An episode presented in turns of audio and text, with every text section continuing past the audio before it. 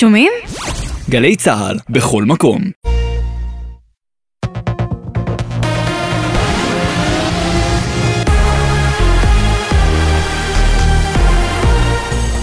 גלי צה"ל השעה שבע, ערב טוב באולפן ענבר פייבל עם מה שקורה עכשיו. מתווה הגיוס החדש, אין התקדמות בסוגיית גיל הפטור, ועדיין קיימת מחלוקת בין השרים גלנט וסמוטריץ' בתום פגישתם עם ראש הממשלה נתניהו. בנוסף, עדיין קיימים פערים משמעותיים בסוגיית התגמולים והעלאת השכר למשרתי צה"ל, ושר האוצר סמוטריץ' מתנגד לדרישות הרחבות שהעלה שר גלנט. השר לענייני ירושלים, מאיר פרוש, אמר בריאיון לירון וילנסקי ביומן הערב של גלי צה"ל, שיהדות התורה נכנסה לממשלה על בסיס הבטחה לחקיקה חדשה שתסדיר את גיוס החרדים. אנחנו, כיהדות התורה, יכולים לבקש שמי שיושב ולמד יקבל את הזיכוי. על זה אנחנו נאבקים. אנחנו נכנסנו לקואליציה אחרי שקיבלנו את ההבטחה הזו. עכשיו אתה אומר לי שזה לא יהיה? אני לא שמעתי שזה לא יהיה. זה חייב להיות, זה מה שהיה הסיכום. לא, לא שמעתי שיש עמדה אחרת. ארגון אלמנות ויתומי צה"ל פנה לראשי המפלגות בכנסת בדרישה, פעלו למנוע את זילות יום הזיכרון וההפרעות בבתי העלמין. מדווח כתבנו הצבאי, דורון קדוש. יושבת ראש ארגון אלמנות ויתומי צה"ל, תמי שלח, כתבה לראשי המפלגות, התכנסו יחד, הוצאו בקריאה משותפת להשאיר את המחלוקת הפוליטית מחוץ לבתי העלמין ולטקסי יום הזיכרון. היא הדגישה את החשיבות של נאומים מאחדים, שימנעו מנושאים שנויים במחלוקת. עוד ביקשה שלח מהמנהיגים שיפעלו מראש מראש כדי למנוע את העימותים שעלולים לפרוץ בבתי העלמין סביב המחלוקת הפוליטית. בצה"ל מקיימים מגעים עם משרד ההגנה הפולני לחידוש המסעות לפולין. קצין החינוך הראשי, תת-אלוף אופיר לביוס, אמר לטלי ליפקין-שחק בתוכנית רצועת הביטחון, שצה"ל מעוניין לחזור לאותם סיורים עליהם יצאו בעבר. אנחנו רוצים uh, לשוב לאותם מסעות, מסעות שהסיפור שלהם מספר את הסיפור היהודי טרום השואה ובמחנות ההשמדה, uh, ואני מאמין שגם נחזור למסעות מהסוג הזה. כל השאר הוא שיח דיפלומטי, כמי שאמון על סוגיית. הנרטיב של השואה בצה"ל, אז אה, זה הסיפור שנחזור אליו. התוכנית רצועת הביטחון תשודר בגלי צה"ל הערב בשעה 7:30. האלימות בחברה הערבית. נקבע מותו של גבר בשנות ה-40 לחייו שנפגע מירי במחנה הפליטים שועפאט במזרח ירושלים. גבר נוסף נפגע בינוני. כתבתנו בבירה נועה ברנס מוסרת שצוות מגן דוד אדום וצוות הסהר האדום פינו את השניים לבתי החולים בעיר. המשטרה פתחה בחקירת נסיבות הירי. הרקע לאירוע פלילי. כתבנו אדם פראג' מוסיף כי מספר הנרצחים בחברה הערבית מתחילת השנה הגיע לחמישים. השרה מירי רגב הודיעה, תת-אלוף במילואים אביגדור קהלני והיוצר שלום אסייג יסיעו משואה בטקס יום העצמאות ה-75 בהר הרצל. מנימוקי השרה לבחירה, אביגדור קהלני הוא סמל ומופת למסירות, למנהיגות ולציונות. שלום אסייג מצחיק ומרש את החברה הישראלית כבר שנים רבות. כתבת התרבות מאיה יהלום מוסיפה כי ההכרזה על המסיעים התעכבה זמן רב, ורק הבוקר השרים הצביעו במשאל טלפוני דחוף על מינוי השרה מירי רגב לשרה המטפלת, מאחר והוועדה לסמלים ולטקסים טרם הוקמה. ומזג האוויר למחר, עלייה קלה נוספת בטמפרטורות. לעדכונים נוספים, חפשו את גלי צה"ל בטוויטר. אלה החדשות שעורך ערן קורץ, בצוות גל ג'רסי והלל גוטמן.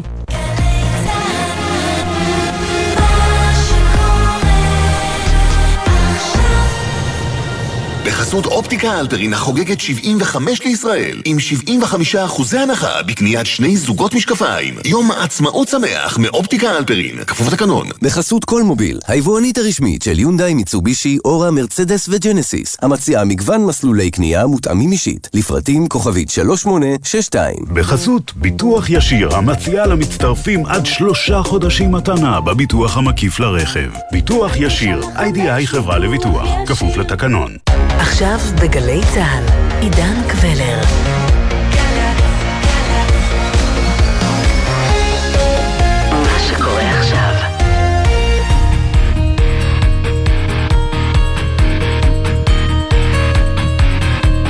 שלום לכם, מאולפן 360 ביום, ההסכת היומי של גלי צה"ל. הזדמנות מעולה לחצי שעה של העמקה, כל יום בנושא אחד שמעסיק את כולנו מ-360 מעלות. והפעם השיטפונות. מבול המים שגבה את חייהם של מעיין וסער עשור, מוסיף להעסיק אותנו גם בשבוע שאחרי. במסע שלפנינו ננסה להבין למה זה קורה דווקא באביב, למה בנחלי הנגב לרוב, ומה אסור בתכלית לעשות כדי שנוכל להציל חיים. ואיך בכל זאת אפשר אולי גם ליהנות מזה. התחלנו. בשביל להבין מה זה שיטפון, הלכנו לברת סמכה בנושא, הדוקטור רחלי ארמוזה זבולוני, חוקרת במרכז לחקר שיטפונות במדבר של מחקר ופיתוח מדבר בים המלח. שיטפונות, כמו שאנחנו קוראים להם אה, באזור שלנו הדרומי של ישראל, שיטפונות בזק, הם אה, נוצרים בעיקר בגלל שהתשתית עצמה של המדברית היא מאוד מאוד אה, ישירה בסלעים ובחומר אה, קשיח, והקרקע עצמה, יש, יש בה, יש מעט מאוד ממנה והיא, אין בה הרבה צמחייה. ואז בעצם כשיורדים מטחי גשם חזקים, מעט מאוד מה, מהמים בעצם נספגים או חודרים לתוך, ה, לתוך התשתית, והרבה מהם מתחילים לזרום על פני השטח. ואז בעצם נוצר, אה, נוצר שיטפון. ברגע שיש גשם עוצמתי על שטח שהוא אה, מספיק אה, גדול, הרבה מים בעצם מתחילים להתאסף לתוך ערוצי הנחלים, ומתחילים לזרום בעצם במורד הנחל. כש... כשאנחנו פוגשים את השיטפונות, בדרך כלל זה לא באזורים הגבוהים, אלא זה באזורים הנמוכים, זה אחרי שהם עוברים כמה קילומטרים, שבהם בעצם מים נאספים גם מערוצי המשנה.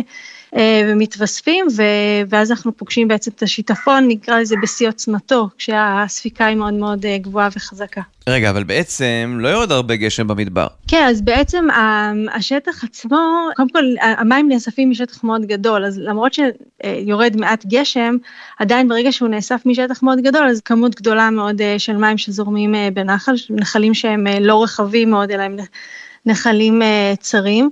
וזה גם כמובן תלוי מאוד במאפיינים, נקרא לזה המטאורולוגיים של אותו אירוע, אם זה תאי גשם שהם עוצמתיים והם אה, מספיק גדולים, אז, אה, אז שוב, זה מגביר את האירוע עצמו. וזה שאין אה, צמחייה בנחל ואין, אה, ואין הרבה חידור, רוב המים זורמים פשוט על פני השטח ונאספים. הדוקטור יעל סטרוץ פרץ היא המנהלת באגף המים העיליים ואגף הידרומטאורולוגיה בשירות ההידרולוגי ברשות המים, הגוף שאחראי לחזות ולנטר את סיכויי השיטפונות. ההיבט הראשון זה ההיבט של הגשם, ואותו מספקים השירות המטאורולוגי עם תחזיות הגשם שלהם. ההיבט השני הוא ההיבט ההידרולוגי. ההידרולוג מבין מה קורה לאותה טיפת גשם כשהיא מגיעה לקרקע, ומכאן הוא יכול לחזות השיטפונות באמצעות הגשם והמאפיינים של אגני הניקוז ובעצם המאפיינים הקרקעיים. אז המרכז הזה הוקם כדי לתת קודם כל את כל הידע והמידע שדרוש לניהול אירוע חירום של שיטפונות. והלקוחות שלנו הם בעיקר כוחות החירום וההצלה, וגופי ממשל שהם גופים אופרטיביים שנותנים מענה או צריכים לדעת ולהיערך בהתאם. למשל, משטרה, כבאות והצלה, משרד החינוך, אה, חדר מצב של משרד החינוך, רשויות הניקוז, משרד החקלאות, עיריות, מועצות מקומיות, באמת כל מי שצריך להיות חלק מזה, הוא באמת נחשב אה, לקוח שלנו, וכמובן שלא מספיק מכירים אותנו, אז אנחנו משתדלים להגביר את מאגר הלקוחות הזה. איך אפשר לחזות כשאין ודאות בעצם על שום דבר? מדע החיזוי מלווה באי ודאות. כולנו יודעים את זה, כולנו מבינים את זה, לא תמיד אה, כל מה שהחזאים אומרים אכן מתממש, או אכן מתממש באותו זמן, או בדיוק באותו מקום. יש אי ודאות גם בזמן וגם במרחב, וחשוב מאוד שכשאנחנו מפרסמים את התחזיות שלנו, אנחנו מפרסמים גם את מדד האי-ודאות. עכשיו, כדי להבין את האי-ודאות, אנחנו גם מסתכלים על מספר מודלים, ולא מסתכלים רק על מודל אחד. ככל שהמודלים יותר מתכנסים, אז בעצם הוודאות שלנו היא גבוהה יותר. בנוסף, אה, חלק מהמודלים מריצים אותם מספר פעמים כדי, עם, עם תנאי התחלה שונים, כדי גם, שוב, לראות את כל הטווח של התוצרים, ואז להבין מה הוודאות. אז אנחנו, כשאנחנו נותנים את התחזיות שלנו, אנחנו נותנים גם מה התחזית לעוצמה ולגשם, ומה הסיכוי שזה יקרה, האם הוא סיכוי אה, נמוך, גבוה, בינוני, ולכן אנחנו תמיד לוקחים בחשבון את האי-ודאות. אז למה מרבית השיטפונות קורים בעיקר בעונות מעבר, הסתיו, האביב, זה מה שמחזיר אותנו אלייך, רחלי ארמוז הזבולוני. עונות מעבר אצלנו הן מאופיינות בדרך כלל באירועים אה, קיצוניים או באירועים לא צפויים. אנחנו, המערכות האקלימיות שאנחנו מכירים בעונות האלה, בעיקר באזור הדרום, זה מערכות שמגיעות אה, מאזור ים סוף, זה אפיקי ים סוף, שבאופי שלהם הן מערכות, אה, מערכות גשם שהן לא צפויים. והם מאוד מאוד קטניים, זאת אומרת המיקום של תאי הגשם הוא הרבה פעמים לא צפוי וגם התזמון שלהם הוא לא צפוי. ואז בעצם אנחנו מכירים את האירועים האלה שהם מאוד מאוד אקראיים וקורים פתאום ויוצרים הרבה מאוד נזק.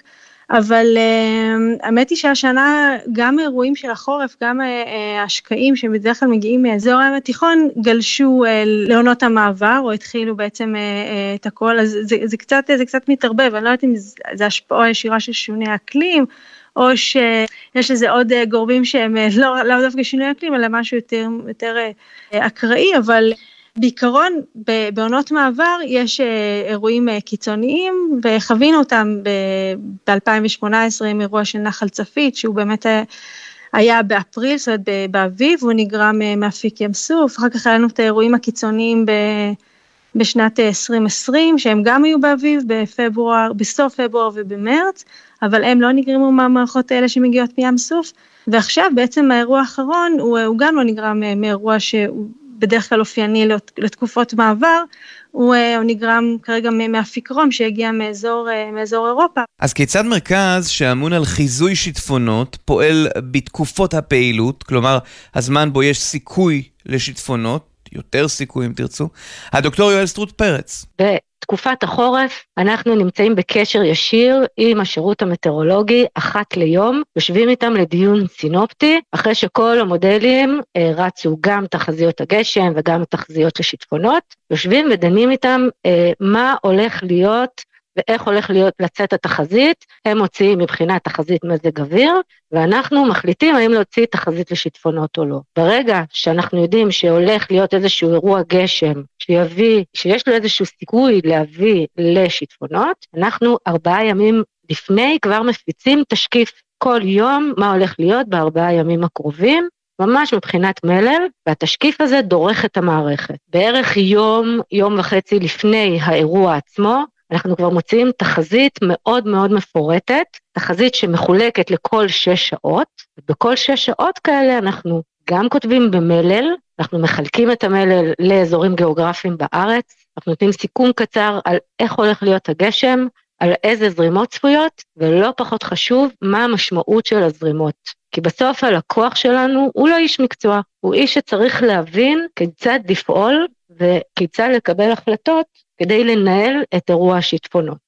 אז בואו נדבר עם לקוח כזה. שלום לדוקטור דוד אסף, סמנכ"ל בכיר לניהול משאבי סביבה במשרד החקלאות, ולפני הכל, מה הקשר של משרד החקלאות לשיטפונות? משרד החקלאות אה, אחראי על אה, כל התחום של אה, רשויות ניקוז וחוק הניקוז. בתוך המסגרת הזאת, אנחנו אמונים בעצם על הנושא הזה בהרבה מאוד היבטים. אתה מדבר על תחזית הידרולוגית, זה ממש ברמת הפרויקט הפרטני. אז uh, בהיבט הזה uh, יש לנו בעצם uh, הליכי תכנון סטטוטוריים שבהם אנחנו בוחנים פרויקטים לפי התחזיות ההידרולוגיות, כמה השיטפון בעייתי, מה מידת חומרה שלו, ובהתאם לזה אנחנו בעצם מבצעים שיפוט של פרויקטים שונים, ואחר כך, ככל שכמובן התקציבים מאפשרים, אנחנו מקצים להם משאבים ותקציבים כדי שבעצם הגופי ביצוע שלנו בשטח, שהם רשויות הניקוז, יוכלו לבוא ולהוציא לפועל את הפרויקטים הללו כדי לתת מענה אה, למניעת אה, סיכוני השיטפונות. אבל אנחנו מנסים הרבה יותר אה, לפעול בצורה רחבה סביב הנושא הזה, ולא לא להסתכל באמת תחזית הידרולוגית של פרויקט כזה או אחר. וזה בעיקר כי באמת יש לנו משאבים דלים מאוד מאוד גדולים אה, בתחום הזה של אה, ניהול סיכוני שיטפונות. אה, אנחנו לא מזמן עשינו איזשהו מיפוי שמדבר על מספרים מאוד מאוד גדולים של כ-7 מיליארד שקל. אז בואו נעבור מהתקציבים ומהראייה הכוללת לשטח. מרבית הנפגעים בשיטפונות במדבר אלו מטיילים. שלומי לובטון הוא הבעלים של חבל ארץ סנפלינג ומערות, רודף שיטפונות מושבע.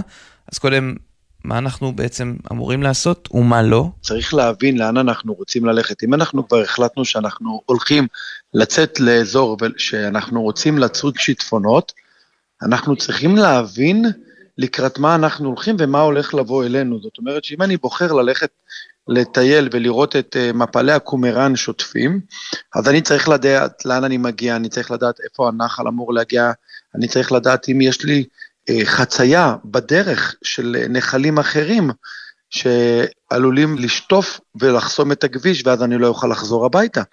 אני אמור לדעת אה, עד איפה מותר לי להתקרב, איפה תוואי הנחל, ועד איפה יגיעו המים, בכדי שאני, אם אני ממתין לשיטפון, שבטעות אני לא אתפס בתוך השיטפון.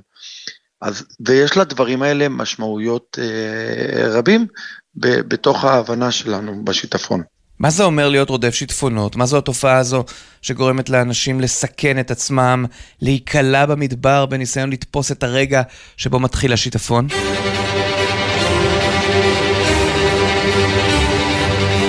הפרפורי בטן האלה, שאתה פתאום רואה מים פתאום מתחילים לזרום במדבר ומתחילים לרדת. עכשיו, רוב השיטפונות שאנחנו נוסעים הם שמיים כחולים. שמיים יפים, פה ושם קצת עננים, הגשם לא יורד ממש על, על המדבר, ואתה מתחיל לנסוע, ופתאום הנחלים הקטנים האלה מתחילים להצטבר לעוד נחל ועוד נחל, עוד ערוץ ועוד ערוץ לתוך הערוץ הראשי, ופתאום מתגלה לך מחזה מדהים של הערוץ הראשי שזורם ויורד ומגיע דרך הקניון לתוך ראש המפל, אתה עומד על הגדה ורואה ברגע אחד את הגל הראשון פורץ החוצה וממלא את המפל ונשפך מהמפל החוצה. זו חוויה שהיא עוצמתית, זו חוויה שהיא מבעיטה מהעוצמה שלה ומרגשת וגורמת לך להיות בהיי גדול ובהיי חזק. וזה הדבר שמאוד מאוד מאוד אה, מרגש את האנשים ואת ציידי השיטפונות. מצד אחד אתה רואה את המדבר היבש שהוא התדמיתית שלו נשמע כמו יבש, צחיח חסר כל חיים, ומצד שני נחל שוצף, קוצף ועוצמתי שיכול להפוך את הרכב אם אתה נכנס לתוכו, זורם בשיא העוצמה, הוא גורם לך ליראת כבוד. אתה מסתכל עליו בהערצה, אתה מסתכל עליו בכבוד, אתה יודע שהוא מסוגל עליך, אתה מכבד אותו, אתה מעריך אותו, אתה מעריץ אותו, ואתה הולך לראות את מלוא הדרו שהוא נשפך מהמפל.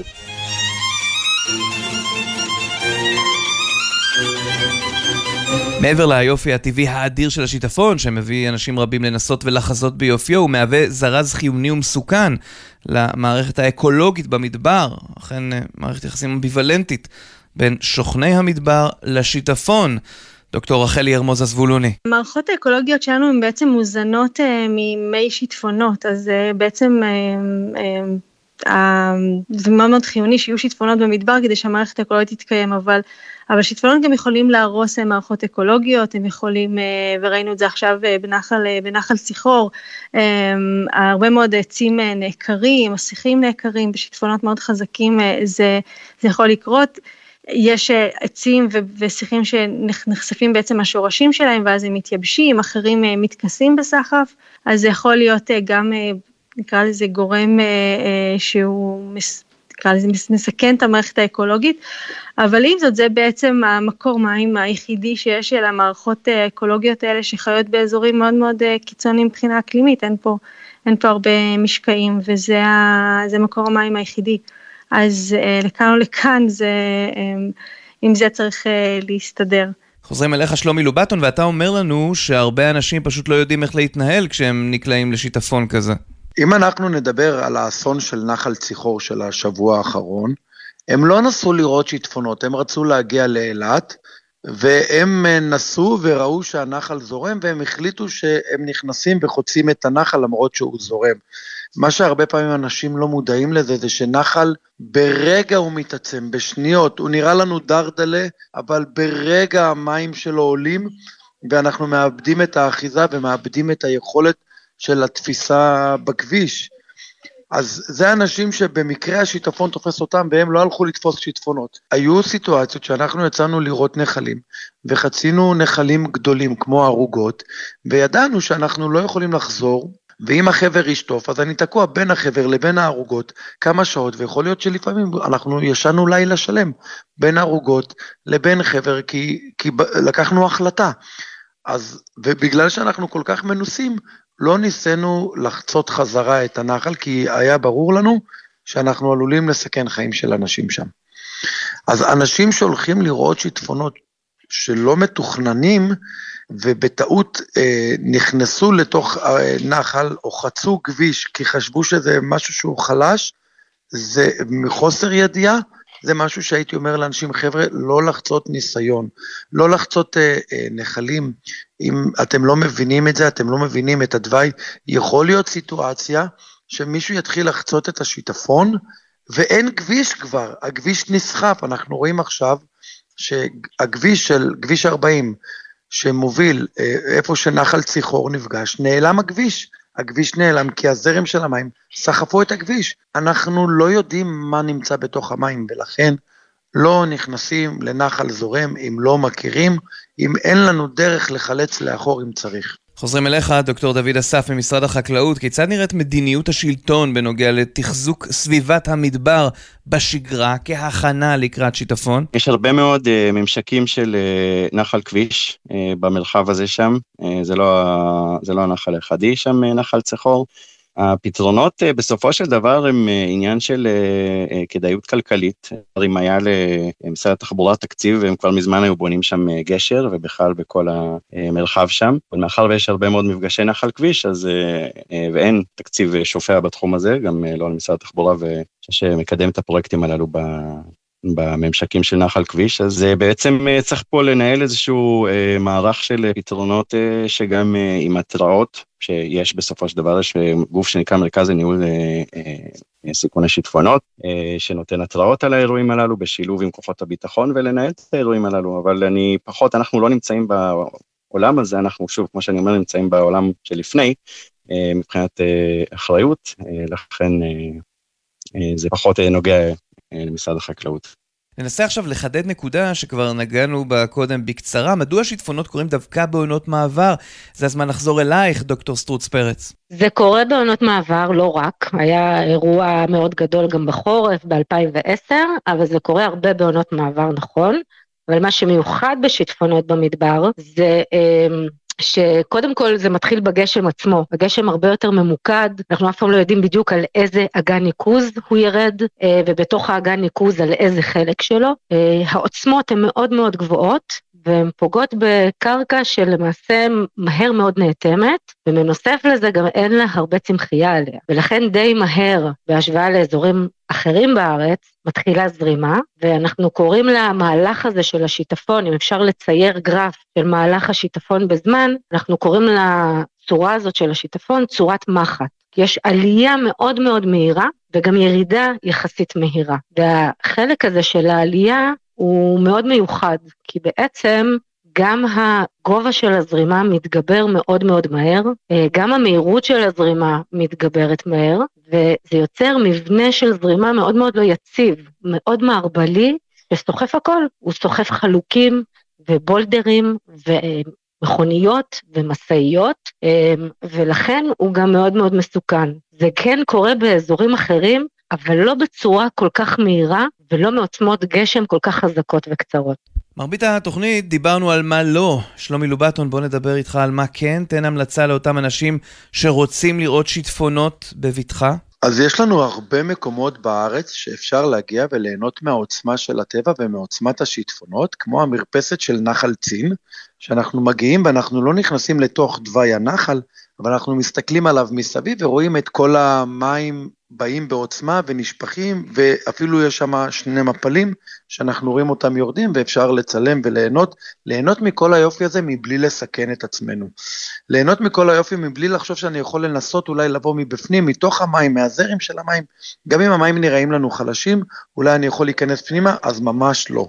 לסיום, הדוקטור יעל סטרוץ פרץ, יש לך מסר חשוב לכלל הציבור. לקחת ברצינות התראות. נכון, אה, זה מדע לא מדויק ולפעמים לא תמיד קולעים, אבל אין מקום לזאב זאב בתחזית לשיטפונות. תמיד צריך להיות דרוכים וגם לראות מה הרמה של התחזית שמפרסמים, עד כמה היא חמורה. אז אם לא ראינו את התחזית ולא שמנו לב ונקלענו לאזור של שיטפונות, קודם כל, אנחנו בחיים לא חוצים נחלים זורמים. אנחנו לא יודעים מה העומק של הזרימה, לפעמים מדובר גם בגשרים איריים, זאת אומרת שהכביש מונמך יותר במקטע של הזרימה כדי לאפשר ליותר זרימה לעבור, וכפי שהסברתי גם על הייחוד של השיטפונות, על הזמן הזה של ההתגברות של הזרימה, היא בעצם הולכת ומתגברת והעומק שלה או הגובה של הזרימה הולך ועולה. לכן תוך דקות הגובה של הזרימה משתנה ובאמת יכול להגיע למצב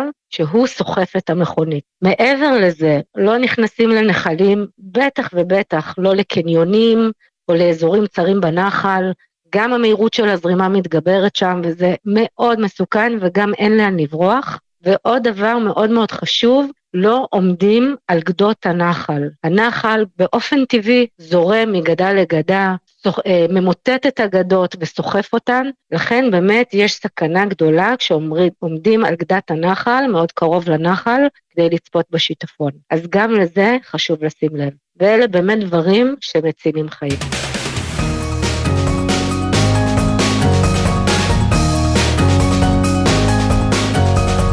עד כאן 360 ביום, ההסכת היומי של גלי צה"ל. בכל יום, 30 דקות של צלילה לתוך נושא אחד שמעסיק את כולנו מ-360 מעלות. אנחנו זמינים לכם ביישומון גלי צה"ל ובכל יישומוני ההסכתים המובילים. העורך נמרוד פפרני, המפיק יונתן סגל, על הביצוע הטכני דניאל חיון, בפיקוח הטכני אסף סיטון, עורך הדיגיטל רן לוי. אני עידן קבלר, שלום.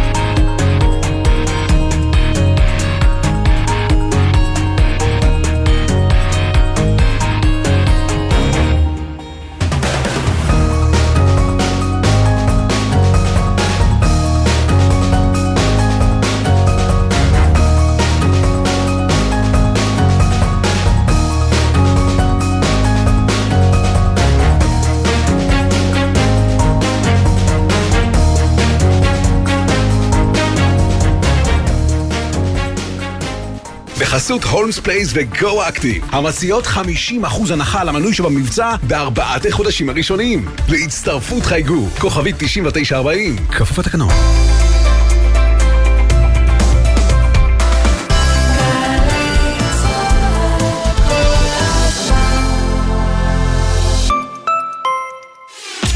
חופשת אביב בירושלים. מוזמנים לחוויה משפחתית לכל הגילים בירושלים. בשילוב מושלם של עיר וטבע באווירה אביבית.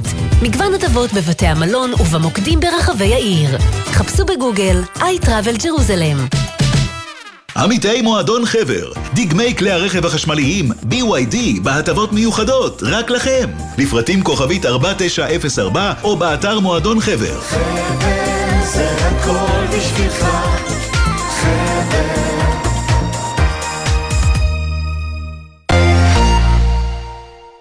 ערב יום הזיכרון לשואה ולגבורה, תשפ"ג. מחר, בשמונה בערב, עצרת הפתיחה הממלכתית מיד ושם בירושלים. בעשר, רסיסי לילה, מגישי גלי צה"ל לדורותיהם, מקריאים את המכתבים, הגלויות והשירים של קורבנות השואה והניצולים. חפרתי ובכיתי, אך בעיקר ביקשתי סליחה מבתי המתה. האם עשיתי כל מה שיכולתי כדי להצילה? ובחצות, דנה יצחק ואליאנה תדהר מקשיבות לאלבום פסקול שלישי, השירים שנולדו כדי לחבר את הדור הצעיר לזיכרון השואה. ליל יום הזיכרון לשואה ולגבורה בגלי צה"ל. בקולם, חיילי גלי צה"ל מביאים במשדר יחיד מסוגו את הקולות של ניצולי השואה. והחלטנו להתחבות בתוך העגלה בין המתים, וככה יצאנו בתוך הגטו. הפכתי להיות מאבן ושכחתי מכל האהבות, מכל הדברים. לא היה לי אכפת שום דבר. מפגש בין הדור הצעיר לסיפורים האישיים של השורדים מהילדות, המלחמה ועד היום, בקולם. שלישי, יום הזיכרון לשואה ולגבורה, 12 בצהריים, גלי צה"ל. עכשיו בגלי צה"ל, טלי ליפקין-שחק, עם רצועת הביטחון. הבית של החיילים, גלי צה"ל.